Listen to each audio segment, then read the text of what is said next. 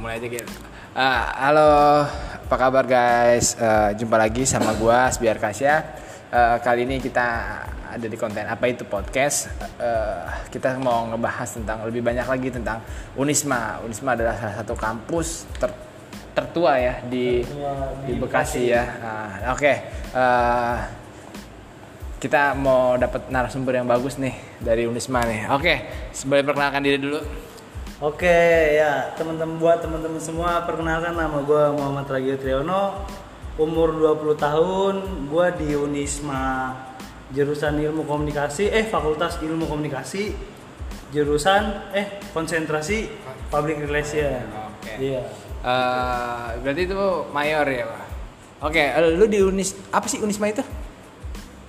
Kalau yang ada di pikiran gue Unisma itu kampus asik ya, soalnya kampusnya itu emang temanya itu konsepnya kayak taman bukan gedung satu dijadiin perkuliahan gitu. Jadi kayak taman gedungnya itu misa-misa seru.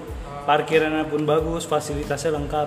Cuman ya ada kendala sedikit di bagian sistem kolonisme sistem pendidikan sistem sistem silabus sistem apa yang sistem, sistem ini sistem apa? Simakonisma jadi kayak portal informasi online yang berbasis digital yang dimiliki oleh oleh Unisma cuman masih banyak masalah yang terjadi di sana. Menurut lo sebagai mahasiswa, apa yang perlu diperbaikin dari sistem itu? Ya, yang pertama karena masalahnya ini di setiap akhir UAS ya. Oke. Jadi nilai itu keluar oh, nggak nah. selalu update iya, telat. Iya, nah, sama sama sama. Nah, untuk permasalahan paling besarnya tuh ketika semester 5 ini mulai magang Okay. Karena magang ini butuh dibutuhkan transkrip nilai ya. Uh. Jadi karena errornya dari sistem simak unisme tersebut ya jadinya ketika dimintain persyaratan transkrip nilai ya belum keluar nilainya karena lama update-nya. Oh, uh -uh. ketika tempat lu magang itu membutuhkan transkrip, hmm itu nggak ada nggak ada karena jadi, belum baru belum keluar problematis juga ya jadi yeah. uh, lu, lu udah dapat tempat magang sedang tempat magang persyaratannya gituan iya gitu. transkrip iya, iya. transkrip ya hmm. nah bagaimana buat teman-teman lu yang belum dapat transkrip apa dia belum bisa magang juga ah dari Atau ada yang belum magang mereka udah bisa magang dan itu juga ada perjuangan tuh datang ke gedung DAPA DAPA, DAPA di Unisma sekretariat Unisma gitu yang ngurus-ngurusin data atau nilai apa pun. Oh, kalau ya. bahasa nasional TU gitu ya. Ah, iya TU-nya Unisma. Jadi mereka tuh kayak berjuang gitu buat dapetin transkrip nilai. Harus datang ke DAPA bolak-balik nanyain gimana ini Bu, saya mau magang butuh transkrip nilai tapi kok belum keluar, belum update nilainya padahal UAS udah selesai oh. ya gitu. Parah sih. Parah. Ah, tapi akhirnya di, dikeluarin nggak di, mesti kan ini kan keadaan urgent gitu mendesak. Uh -huh. Mahasiswa membutuhkan sebuah transkrip -huh. untuk kelanjutan pendidikan gitu, yeah. kelanjutan kebutuhan akademis sih. Kebutuhan akademis nah, ya. Akhirnya gimana? Di, di dimunculin nggak? Di... Akhirnya diusahain bisa karena apa ya melalui proses edit nilai karena emang kebetulan uasnya memang udah selesai dan nilai pun memang sudah ada jadi ya diedit bisa lah oke sekarang gini yang jadi problem itu uh, problemnya dari dosen yang lama nyerahin nyerahin si nilainya atau memang akadem akademik akademiknya atau dapanya itu yang lama nge, nge upgrade nah kalau, atau dari internetnya? Nah menurut gue sih kemungkinan ada dua ya. Satu memang dosen mungkin kita nggak tahu kesibukan dosen itu apa aja ya. Oke. Okay. jadi untuk update nilai setelah uas itu kita nggak tahu apa karena dia sibuk dia lupa update atau memang dari mereka semua dosen sebagai dosen udah up, udah update nilai tapi memang respon dari akademik ya eh, akademik de, TU sama kecepatan internet web yang dimiliki Unisma tersebut oh. yang memperlambat update-nya nilai. Oh. Nah, itu ada masih simpang siur tuh. Oh, okay. Jadi sebenarnya uh, menurut menurut menurut lu nih, kalau seandainya teknologi udah canggih, hmm. sistem udah canggih, hmm. berarti wifi juga mesti di, di upgrade, mesti nah, dinaikin dong. Iya. Gitu. Biar gimana menurut lu? Menurut gue untuk wifi di Unisma sih kualitasnya bagus ya karena emang gue rasa oh, kencang iya bagus sih cuman mungkin karena gue nggak ngerti web-web atau blog begitu ya ah. kualitas web atau blognya itu mungkin pembuatannya kurang oh, baik developernya jadi, ya. uh, jadi begini ada kendala yang paling sering terjadi ketika setelah UTS atau UAS semua orang kan berbondong-bondong semua mahasiswa Unisma berbondong-bondong buat ngecek ke SIMAK. Iya, SIMAK jadi, Unisma. Uh, uh, jadi setiap setelah UTS atau UAS itu kejadian semua berbondong-bondong begitu semua ngecek eh down. Ya. simak unisma itu down. Kayaknya tuh Itu- itu, itu- server lemah banget. Gue Servernya, bingung coy. ya gue bingung. Kok Servernya. bisa begitu? Iya kualitasnya padahal unisma ya cukup ternama lah Iya di Bekasi Bekasi siapa sih gitu yang nggak tahu Unisma. Iya. Seharusnya ya dibuat blok yang apa ya eh, istilahnya tuh kencang lah Iya. responnya terus eh, baiklah pokoknya untuk in- untuk update informasi apalagi mengenai nilai ya Iya. buat mahasiswa itu kan eh, vital banget. Bentar, Iya. Bang. Nah, oke, sekarang gue mau nanya sama lu. Eh, di Unisma fakultasnya apa aja? Yang gue tahu sih, yang gue tahu fakultasnya ada FKSB. FKSB itu fakultas gue sendiri. Apa itu FKSB? Ya. komunikasi sastra dan Oh, bahasa. sastra dan bahasa. Terus Ada FISIP, fisip apa itu? ilmu pemerintahan sama psikologi. Enggak, fisip panjangannya apa? Fakultas ilmu pemerintahan dan psikologi. Oh, terus selain itu Saya ekonomi. ekonomi. Ekonomi, Terus PGSD, PGSD itu apa? kayak guru gitu. Oh, pendidikan Mencetak guru, ya, Oh, pendidikan guru. Saya itu Habis itu Penjas ya olahraga. Penjas olahraga. Olahraga. Ada FAI. FAI itu Apa? ini Fakultas Agama Islam. Oh, fakultas Sama Agama teknik Islam. yang jelas. Oke. Teknik. Di Unisma eh, pendidikan jenjang pendidikannya dari S berapa sampai S berapa atau D3 juga ada gimana? Di Unisma? D3 ada, Sebenarnya. S1 ada. Cuman untuk mayoritasnya ya S1 ya untuk Oh, jurus di- setiap jurusannya ya Oh. S1 dominan. S2 apakah ada? S2 ada di gedung eh itu kalau di Unisma Oh, S2 pasca Untuk- sarjana ah, ya? pasca sarjana, Oh. pasca sarjana. Lo tau di di pasca sarjana jurusannya eh, fakultas atau jurusannya apa aja tau? Wow, kurang tahu. Kurang tahu ya, Nah, nggak apa-apa. Oke. Yang, yang penting lo S1-nya itu Iya. ya. Nah, menurut lo nih eh, di Unisma anak-anaknya kayak apa sih? Bisa dijelasin nggak? Habitnya tuh maksudnya Oh iya, bibit dari anak-anak Unisma sih nongkrong, Oh, sama, kumpul. standar Yang jelas sih emang ya standar anak muda sekarang ya Iya. nongkrong, nongkrong, bercengkrama. Karena itu menurut gua bagian dari kebutuhan sih, kebutuhan sebagai anak muda milenial kan. Iya. Jadi butuh komunikasi atau relasi jaringan tuh. Oke. Iya, jadi hasil nongkrong itu kan tumbuhlah relasi atau jaringan yang baik sih. Meskipun ada negatifnya, cuman gue merasa selama diri gue nongkrong, gue malah dapat arus yang positif sih, yang lebih positif. dominan iya. Menurut lo nih, eh, anak-anak Unisma eh, apa sih maksudnya? Seberapa solid gitu? Ketika ketika ada problem misalkan kayak lu lu sekarang lagi magang nih, seberapa Hmm. solid ya anak-anak Unisma? Mungkin ada beberapa temen-temen lu yang telat magang, eh ini di sini bisa lo, eh di sini bisa lo. Seberapa ikatan itu ada di Unisma? Oh kayak Apa? ini ya, tingkat kepedulian Iya, sama angkatan gitu iya. ya, sama mahasiswa. Ah, Cukup baik sih ya tingkat solid di Unisma sendiri. Kayak contohnya kemarin pun, padahal gue udah dapat magang nih saat ini. ah, Cuman adalah teman, eh Gil udah dapat magang belum? Woi gue udah. Oh gue kira belum. Kalau belum ikut gue sini. Asik Jadi ya. kayak main tawar-tawaran gitu. Ah. Ketika tawaran yang gue tolak itu nggak jadi karena gue udah dapat magang, dikasih ke temen yang belum dapat. Ya gitu sih. Baik sih untuk solidaritasnya. Oke di Unisma. Ya. Anak-anaknya iya. Nah, buat di Unisma kira-kira nih, mungkin teman-teman apa itu podcast ada yang penasaran. Hmm. Cewek-cewek cakep-cakep gak tuh? Ya cewek-cewek, Dijabur siapa gimana? cewek-cewek di Unisma sih cakep-cakep ya. Kalem-kalem sih. Oh, kalem-kalem ya. Eh, Bisa gak jadi istri? ya bisa bisa bisa bisa gue jelasin eh, cewek-cewek di Unisma itu yang petakilan tuh kecil. Ah, ya petakilan. dikit yang petakilan dikit. Kalem-kalem.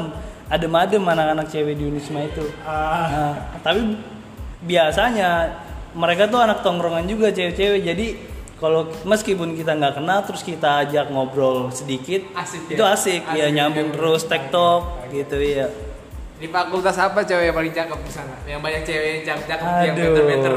Apa ya? PGSD kayaknya kalem-kalem banget kalau PGSD. PGSD, mah. iya Cewek- kalem-kalem, mbak. Seru lah kalau PSG, PSG, eh PGSD dilihatnya kayaknya Asik seger ya, gitu seger ya, ya, karena emang dicetak buat jadi guru ya, Iya. keren ya. Yang paling cakep fakultas, fakultas gua sih Ilkom, Oh, Ilkom ya, yang badai-badai ya. Ilkom sama Fisip, cantik-cantik Oh, Oke. cewek-ceweknya. Gue boleh tahu gak kenapa sih lu ngambil Ilkom di Unisma? Alasan lu? Alasan gua alasan terbesar sih gua kalau ngambil gua kenapa ngambil ilkom itu gua merasa ketika gua lulus SMA gua ngerasa ada di basic komunikasi. Jadi gua pengen tahu lebih apa itu komunikasi secara luas secara istilah-istilah yang luas ya. Nah sekarang gua ada berjalan di Fakultas Komunikasi di Unisma ini dan gue ngambil program atau konsentrasi public relation ya jadi gue dapet ilmu banyak lah di Unisma tentang PR yang gue ambil ini. Oke, gue sekarang mau tahu apa aja nih pelajaran di sana? Di mana tuh? Di Unisma tentang ini PR lu. oh kalau PR yang udah gue tanggap sih tentang ya PR itu tugasnya kan menjaga image perusahaan kemudian berbicara di depan orang banyak mengolah kemampuan public speaking yang dimiliki kita masing-masing ya meningkatkan kepercayaan diri kemudian menjalin hubungan dengan perorangan atau kelompok atau organisasi kecil maupun besar ya gitu sih PR Nah, sekarang eh, apa sih kena lu bisa gak menyarankan orang-orang buat ngambil PR? Kenapa alasannya supaya mungkin ada teman-teman kita yang SMA atau SMK Oh, gitu. iya. Kenapa mesti ngambil PR gitu? Oh ya. Kenapa gua harus seandainya gue nyaraninnya adik-adik kelas gua Iya. buat ngambil ilmu komunikasi konsentrasi PR ya. Dan kenapa harus di Unisma gitu misalkan? Oh, dan kenapa Oke. orang Unisma? buat adik-adik lu? Buat adik-adik gua ya, kenapa kalian harus gue nyaranin buat ngambil ilkom di Unisma PR karena emang ilkom itu seru asli.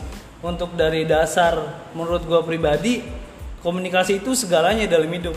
Oh iya benar. Nah, jadi kenapa segalanya? Karena kalau cara komunikasi, tata komunikasi kita baik, itu pun berhasil menghasilkan hal yang baik. Benar. Untuk apa pun, segala apa pun, jika komunikasinya baik, pasti menghasilkan ha- hasil yang baik. gitu. Oke, eh, menurut lu nih, eh misalkan lu punya perusahaan bagus nih, tadi gue mau nanya tentang materinya ya, perusahaan bagus, eh brandingnya bagus, segala macam bagus, iya. ternyata harga harga produk perusahaan tuh tinggi, Ah, gitu, oke, ketinggian oke. sama harga Oke. pasar, misalkan taruhlah eh, produk lu misalkan makanan gitu, harganya seribu, yang lain pada gope gope gope. Hmm. Iya. Nah, lu sebagai divisi public relation Iya. apa kontribusi lu buat perusahaan yang bisa lu berikan? Oh, ketika menanggapi isu mahalnya produk kita yang produk yang kita jual ya. Jadi nggak apa-apa kita menjual produk di atas harga rata-rata pasaran, tapi kita di situ biarpun mahal kita harus menunjukkan kualitas. Kualitas produk dari yang kita jual. Kalau contoh makanan ya kita tunjukin walaupun misalnya ukuran kita kecil nih, Ah. tapi rasa kita jauh lebih unggul daripada yang lain. Nikmat gitu. Itu Jadi kita tekankan. Ah ya, yang ditekankan itu sehingga konsumen berpikir nggak apa-apa mahal dikit, yang penting rasanya terjamin enak. Itu sih kayak nge-branding produk perusahaan, biarpun produk ini mahal, kualitas terjamin dan multifungsi atau apa gitu. Oke. Ah. Lu lu tahu brand awareness, brand loyalty tahu? Oke. Kurang menggeluti Oh, sih. misalnya kayak kayak brand awareness Apa itu? eh, sebuah perusahaan Hmm. punya aware, punya Oh, punya sadar ya? ah, kesadaran gitu buat supaya konsumennya lebih loyal. Itu Hmm. penting nggak menurut lu secara public relation? Oh penting banget sih buat nge-branding brand Iya, sebuah brand lagi, gitu ya. nah, akhirnya. buat supaya konsumen menjadi pembeli yang kontinu yang berlanjut kan. Itu penting banget sih. Nah, itu bagaimana pola nge-branding suatu merek atau brand itu ya lumayan sulit. Iya. Karena mengapa sulit? Nah, ntar dulu. Tan. Apa sih tahap-tahapnya buat nge-branding yang lu tahu? Yang gue tahu sih yang penting tahu target pasar. Oh, target pasar dulu yang penting. Target pasar, habis itu kebutuhan pasar, kebutuhan konsumen yang kita tuju. Ah, Habis itu kita ciptain brand dan brand itu bagaimana caranya nyangkut di kepala, di Nah, pikiran mereka ketika itu. dia mikir, misalnya kita buat produk sabun nih, Ah. sabun kan produk sabun banyak, Nah. tapi yang di pikiran konsumen halayak banyak ini kepikiran dari produk kita. Nah, oh itu yang yang yang dipikirkan sama Iya, anak jadi public relation ya. gitu ya. Oke, setelah lu lulus, apa aja lapangan kerja yang bisa lu, lu masukin? Yang gua sabet gitu ya. Iya, yang bisa lu sabet nih dari anak-anak public relation. Ah ya.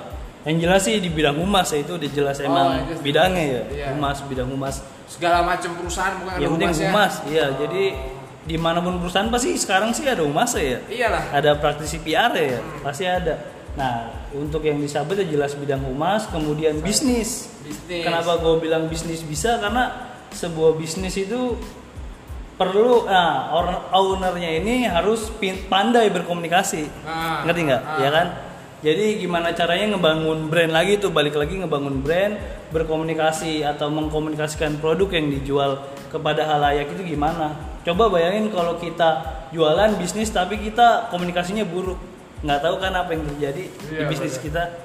Pasti kacau balau sih. eh, humas, bisnis, Bisnis ada lagi bisnis, ya yang lagi? berkaitan sama komunikasi sih yang jelas. Oh, Ya, desain bisa, berarti semua semua ya. bisa nakis ya komunikasi.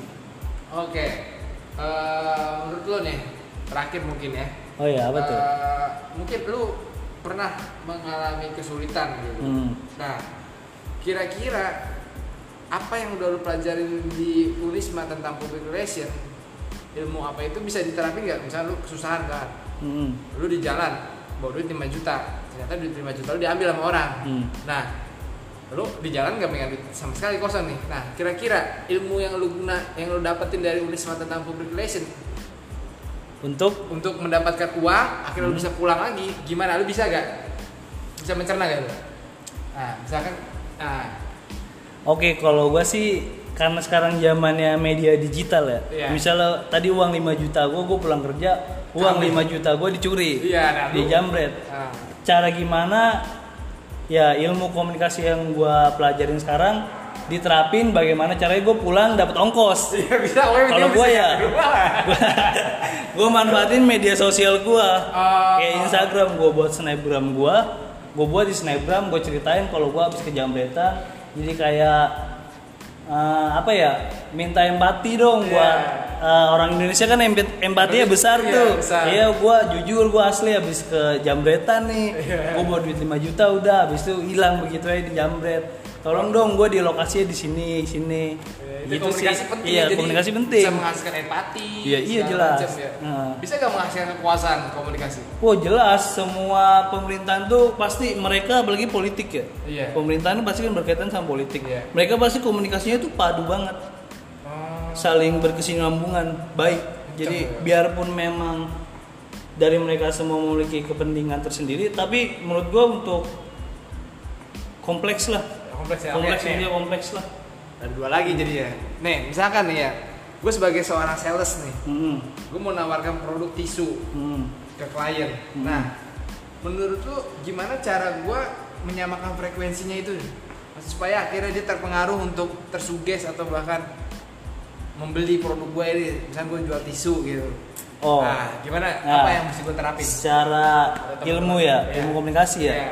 Jadi kalau lu sebagai seorang sales untuk menjual produk yang jual apalagi tisu ya, Iya. ya lu jelasin, lu kasih yang pertama sih lu datengin dia, lu komunikasiin, sambut dia dengan baik, Iya. ajak ngobrol, selau, bawa selau. Kemudian lu jelasin lu ke sini dengan tujuan apa, lu tunjukin. Oh, tujuan dulu Nah, berarti. tujuan, lu mau ngapain? Oh. Jangan lu tiba-tiba kak tisu kak, itu kebanyakan ya pasti cabut orang kan. Kalau kak tisu kak, iya. Tuh gitu-gitu apa-apa teman-teman apa itu podcast kalau jualan tuh tujuan dulu jangan nih gue jual dua puluh ribu gitu Iya jangan begitu, iya gitu. jangan jangan tiba-tiba kak nih ada tisu loh wangi ini jangan Iya. pelan-pelan jelasin Pelan-pelan. ini pelan-pelan ya contohnya kecilnya begini Contoh gimana? Nah, soal misal- tisu aja cuy, Ah. soal tisu. Ya. Selamat pagi kak, apa kabar hari ini? Ah. Ya, Nanya-nanya aktivitas sehari ngapain misalnya bekerja atau kuliah. Habis itu baru deh nyerempet-nyerempet ke, Ke tisu. tisu, Ah. tujuannya.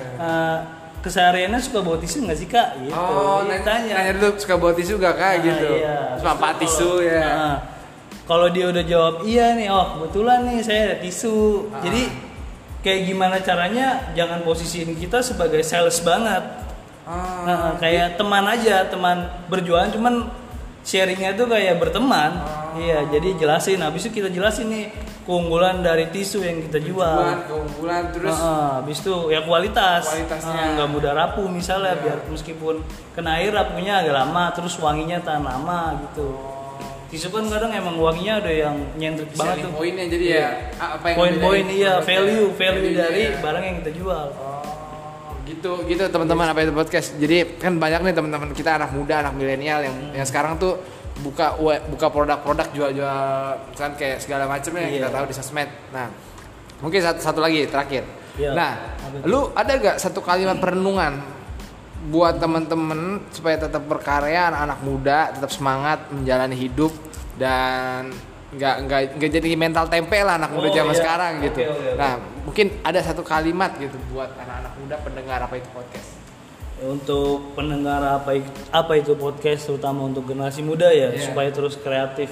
Karena sekarang juga era digital jangan jangan malas untuk explore segala hal mempelajari hal banyak apa pun itu. Misalnya lu anak hukum jangan belajarin hukum doang lu pelajarin bidang-bidang lain jadi kita tuh explore ilmu jadi wawasan yang kita dapat itu bakal ngembangin kreativitas di diri kita udah gitu aja sih Mantap. Ada lagi tambahan tambahan sekarang bebas lu boleh ngomong apa aja. Iya. Sekarang bebas. Coba gue tanya. Oke. Terakhir. Terakhir lu bebas lu mau ngomong apa kek? Ada yang mau lu sampaikan? yang gue sampein sih terutama karena gue anak muda ya Iya. jadi gue sampein buat anak-anak muda juga terus semangat sih kalau gue sih apa pun itu pekerjaan lo lo nikmatin jangan lo jangan lo gerendengin atau lo gelisahin itu. Lo kerjain aja lo ikhlasin. Kalau emang lo punya kemampuan di bidang sesuatu lo tekunin. Sampai itu jadi. Sampai itu benar-benar bisa ngebangkitin diri lo eh, naikin derajat diri lo itu sih. Mantap. Oke. Gelutin bidang. Lu gelutin bidang yang lu kuasain. Instagram lu apa? Instagram gua Muhammad Ragil underscore satu Oke, thank you Bang Ragil atas waktunya telah bercuap-cuap berbagi informasi buat teman-teman kita nih yang fakir ilmu dan butuh wawasan tentang beberapa kampus di Bekasi. Mungkin ada Unisma sebagai salah satu kampus yang terbaik ya di sana ya. Oke, kita tutup aja. Makasih banyak. Teruslah berkarya. Dadah. Yo, saya dadah